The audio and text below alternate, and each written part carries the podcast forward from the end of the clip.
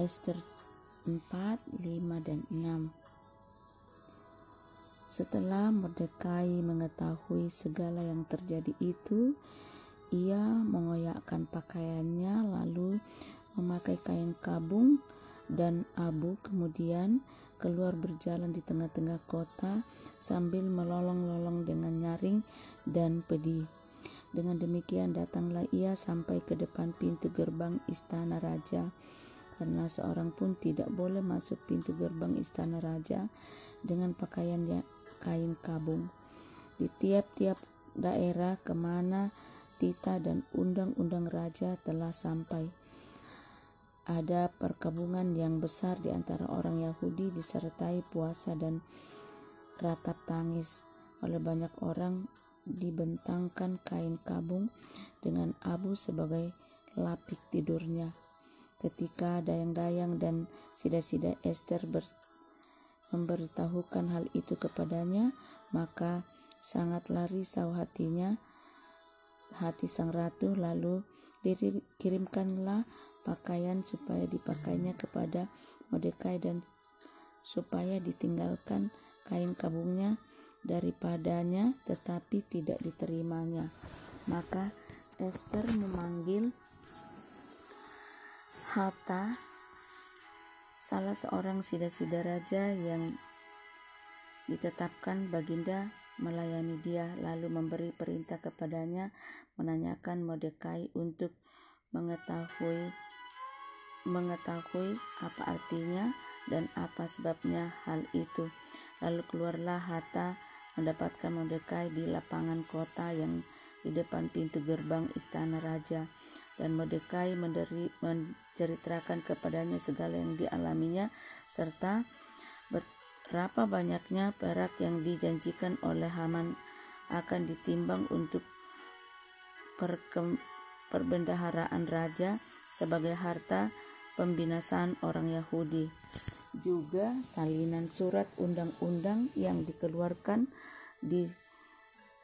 disusun untuk memunahkan mereka itu diserahkan kepada Hatta supaya diperlihatkan dan diberitahukan kepada Esther.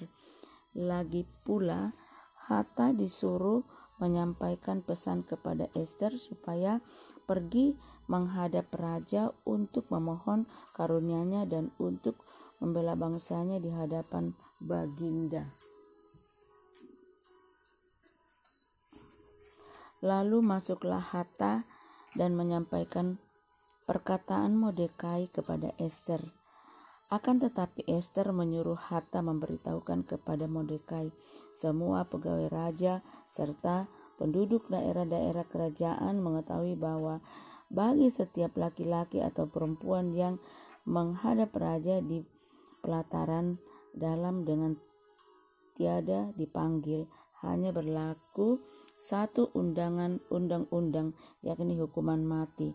Hanya orang yang kepalanya raja mengulurkan tongkat emas dan akan tetap hidup. Dan aku selama 30 hari ini tidak dipanggil menghadap raja. Ketika disampaikan orang kepada Esther itu kepada Mordekai, maka Mordekai menyuruh menyampaikan jawaban ini kepada Esther. Jangan kira karena engkau di dalam istana raja hanya engkau yang akan berlutut dari antara semua orang Yahudi. Sebab sekalipun engkau pada saat ini terdiam diri saja, bagi orang Yahudi akan timbul juga pertolongan dan pelepasan dari pihak lain dan engkau dengan daun keluar kaum keluargamu akan binasa. Siapa tahu mungkin justru untuk saat yang seperti ini engkau boleh kedudukan sebagai ratu. Maka Esther menyuruh menyampaikan jawaban ini kepada Mordekai. Pergilah, kumpulkanlah semua orang Yahudi yang terdapat di, Sus, di Susan dan berpuasalah untuk aku. Janganlah makan dan janganlah minum tiga hari lamanya baik waktu malam, waktu siang, aku serta dayang-dayangku pun akan berpuasa demikian. Dan kemudian aku akan masuk menghadap raja, sungguh pun berlawanan dengan undang-undang. Kalau terpaksa aku mati, biarkanlah aku mati. Maka pergilah Mordekai dan diperbuatlah diperbuatnya lah tepat seperti yang dipasarkan Esther kepadanya. Pada hari yang ketiga, Esther mengenakan pakaian ratu lalu berdirilah ia di pelataran dalam istana istana raja. Tepat di depan istana raja, raja bersemayam di atas tahta kerajaan di dalam istana terhadap dengan pintu istana itu. Ketika raja melihat Esther sang ratu berdiri di pelataran, Berkenanlah raja kepadanya sehingga raja mengulurkan tongkat emas yang di tangannya ke arah Esther. Lalu mendekatlah Esther dan menyentuh ujung tongkat itu. Tanya raja kepadanya, apa maksudmu hai Ratu Esther dan apa keinginanmu sampai setengah kerajaan sekalipun akan diberikan kepadamu? Jawab Esther, jikalau baik pada pandangan raja Datanglah kiranya raja dengan Haman pada hari ini ke perjamuan yang diadakan oleh hamba bagi raja. Maka tita raja suruhlah Haman datang dengan segala segera supaya kami memenuhi permintaan Esther. Lalu raja datang dengan Haman ke perjamuan yang diadakan oleh Esther. Sementara minum anggur bertanyalah raja kepada Esther, apakah permintaanmu niscaya akan dikabulkan dan apakah keinginanmu sampai setengah kerajaan sekalipun akan dipenuhi. Maka jawab Esther, permintaan dan keinginan hamba ialah, jikalau hamba mendapat kasih raja dan jikalau baik pada pemandangan raja mengabulkan permintaan serta memenuhi keinginan hamba, datang Pula lah kiranya raja dengan Haman ke perjamuan yang akan hamba adakan bagi raja dan Haman, maka besok akan hamba lakukan yang dikehendaki raja. Haman menyuruh mendirikan tiang penyuluhan untuk Mordekai. Pada hari itu keluarlah Haman dengan hati riang dan gembira. Tetapi ketika Haman melihat Mordekai ada di, di pintu gerbang istana raja, tidak bangkit dan tidak bergerak menghormati dia, maka sangat panaslah hati Haman kepada Mordekai. Tetapi Haman menahan hatinya lalu pulang ke rumahnya dan menyuruh datang sahabat-sahabatnya dan Zeres istrinya. Maka Haman menceritakan kepada mereka itu besarnya kekayaannya, kayaknya anak banyaknya anaknya laki-laki dan segera kebesaran yang diberikan raja kepadanya serta kenaikan pangkat di atas para pembesar dan pegawai raja.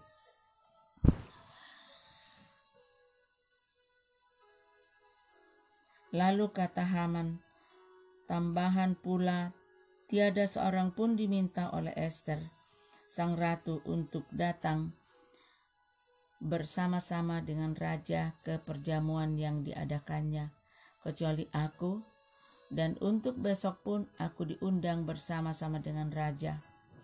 Akan tetapi semuanya itu tidak berguna bagiku selama aku masih melihat Mordekai, si Yahudi itu, duduk di pintu gerbang istana raja. Lalu kata Zeres istrinya dan semua sahabatnya kepadanya, suruhlah orang membuat tiang yang tinggi 50 pasta dan persembahkanlah besok pagi kepada raja supaya Mordekai disulahkan orang pada tiang itu kemudian dapatlah engkau dengan bersuka cita pergi bersama-sama dengan raja ke perjuangan itu hal itu dipandang baik oleh Haman lalu ia menyuruh membuat tiang itu pada malam itu juga raja tidak dapat tidur, maka bertindaklah baginda membawa kitab per, pencatatan sejarah lalu dibacakan di hadapan raja. Dan di situ didapati suatu catatan tentang Mordekai yang pernah memberitahukan bahwa Bigtan dan Teres dua orang sida-sida raja yang termasuk golongan penjaga pintu telah terikhtiar membunuh Raja Asmeros. Maka bertanyalah raja, kehormatan dan kebesaran apakah yang dianugerahkan kepada Mordekai oleh sebab perkara itu? Jawab para biduanta raja yang bertugas pada baginda. Kepadanya tidak dianugerahkan suatu apa pun. Maka bertanyalah raja, siapakah itu yang ada di penjara? Pada waktu itu Haman baru datang di pen, di pelataran luar istana raja untuk memberitahukan kepada Baginda bahwa hendak menyulahkan Mordekai pada tiang yang sudah didirikan untuk dia. Lalu jawab para biduan, biduanda raja kepada Baginda, itulah Haman. Ia berdiri di pelataran, maka Tita raja suruhlah dia masuk. Setelah Haman masuk, bertanyalah raja kepadanya, apakah yang harus dilakukan kepada orang seorang raja, seorang yang raja berkenan menghormatinya, kata Haman dalam hatinya, kepada siapa lagi raja berkenan menganugerahkan kehormatan lebih dari lebih dari kepadaku? Oleh karena itu, jawab Haman kepada raja mengenai orang yang raja perkenankan menghormatinya. Hendaklah diambil pakaian kerajaan yang biasa dipakai oleh raja sendiri dan lagi budak lagi kuda yang biasa dikenakan ra, kendarai oleh raja sendiri dan yang diberi mahkota kerajaan di kepalanya dan hendaklah diserahkan ke pakaian dan kuda itu ke tangan seorang dari antara para pembesar raja. Orang-orang bangsawan lalu hendak pak, hendaklah pakaian itu dikenakan kepada orang yang raja berkenan menghormatinya. Kemudian hendaklah ia diarah dengan mengendarai kuda itu melalui lapangan kota, sedang orang berseru-seru depannya. Begitulah dilakukan kepada orang yang raja berkenan menghormatinya. Maka tita raja kepada Haman, segera ambil pakaian dan kuda itu seperti yang kau katakan itu dan lakukanlah sedemikian kepada Mordekai, orang Yahudi yang duduk di pintu gerbang istana. Sepatah kata pun janganlah kau lalai, lalaikan dari pada Mordekai dihormati. Pada malam itu juga raja tidak dapat tidur, maka Pertitalah Baginda membawa kitab pencatatan sejarah lalu dibaca di hadapan raja. Dan di situ terdapat suatu catatan tentang Mordekai yang pernah memberitahukan bahwa Biktan dan Teres, dua orang sida-sida raja yang termasuk golongan penjaga pintu telah berikhtiar membunuh Raja Asa Ahasi Wiros. Maka bertanyalah raja kehormatan dan kebena, kebesaran apakah yang dianugerahkan kepada Mordekai oleh sebab perkara itu jawab para biduanta raja yang bertugas pada baginda kepadanya tidak dianugerahkan suatu apa pun maka bertanyalah raja siapakah itu yang ada di pelataran pada waktu itu Haman baru datang di pelataran luar istana raja untuk memberitahukan kepada Baginda bahwa ia hendak menyulahkan Mordekai pada tiang yang sudah didirikannya untuk dia. Jawab lalu jawab para biduanta raja kepada Baginda, itulah Haman. Ia berdiri di pelataran. Maka Tita raja suruhlah dia masuk. Setelah Haman masuk, Bertanyalah raja kepadanya, apakah yang harus dilakukan kepada orang seorang yang raja perkenan menghormatinya? Kata Haman dalam hatinya, kepada siapa lagi raja berkenan menganugerahkan kehormatan lebih daripadaku daripada lebih dari kepadaku oleh karena itu jawab Haman kepada raja mengenai orang yang raja perkenan menghormatinya. Hendaklah diambil pakaian kerajaan yang biasa dipakai oleh raja sendiri dan lagi kuda yang biasa dikenakan oleh raja sendiri dan yang diberi mahkota kerajaan di kepalanya. Dan hendaklah diserahkan ke pakaian dan kuda itu ke tangan seorang dari antara para pembesar raja. Orang-orang bangsawan lalu hendaklah pakaian itu dikenakan kepada orang yang raja berkenan menghormatinya. Kemudian hendaklah dia ditarik, di, diarak dengan mengendarai kuda itu melalui lapangan kota sedang orang berseru-seru di depannya. Beginilah dilakukan kepada orang yang raja berkenan menghormatinya. Maka tita raja kepada Haman, Segera ambillah pakaian dan kuda itu, seperti yang kau katakan itu, dan lakukanlah sedemikian kepada Mordekai orang Yahudi yang duduk di depan gerbang istana. Sepatah kata pun janganlah kau, lal kau lalaikan daripada segala yang kau katakan itu Lalu Haman mengambil pakaian dan kuda itu dan dikenakannya pakaian itu kepada Mordekai. Kemudian diaraknya Mordekai melalui lapangan kota itu, sedang ia menyerahkan di depannya. Beginilah dilakukan kepada orang raja perkenan menghormatinya. Kemudian kembalilah Mordekai ke pintu gerbang istana raja tetapi Haman tergesa-gesa pulang ke rumahnya dengan sedih hatinya dan berselubung kepalanya. Dan Haman menceritakan kepada Zeres istrinya dan kepada semua sahabatnya apa yang dialaminya. Maka kata para orang Arif di laksana di, bijaksana dan Zeres istrinya kepadanya, "Jikalau Mordekai yang di depannya engkau sudah mulai jatuh adalah keturunan Yahudi, maka engkau tidak akan sanggup melawan dia. Malahan engkau akan jatuh benar-benar di depannya.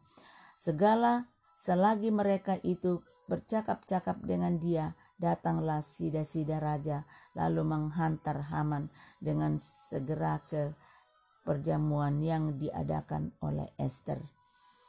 Amin.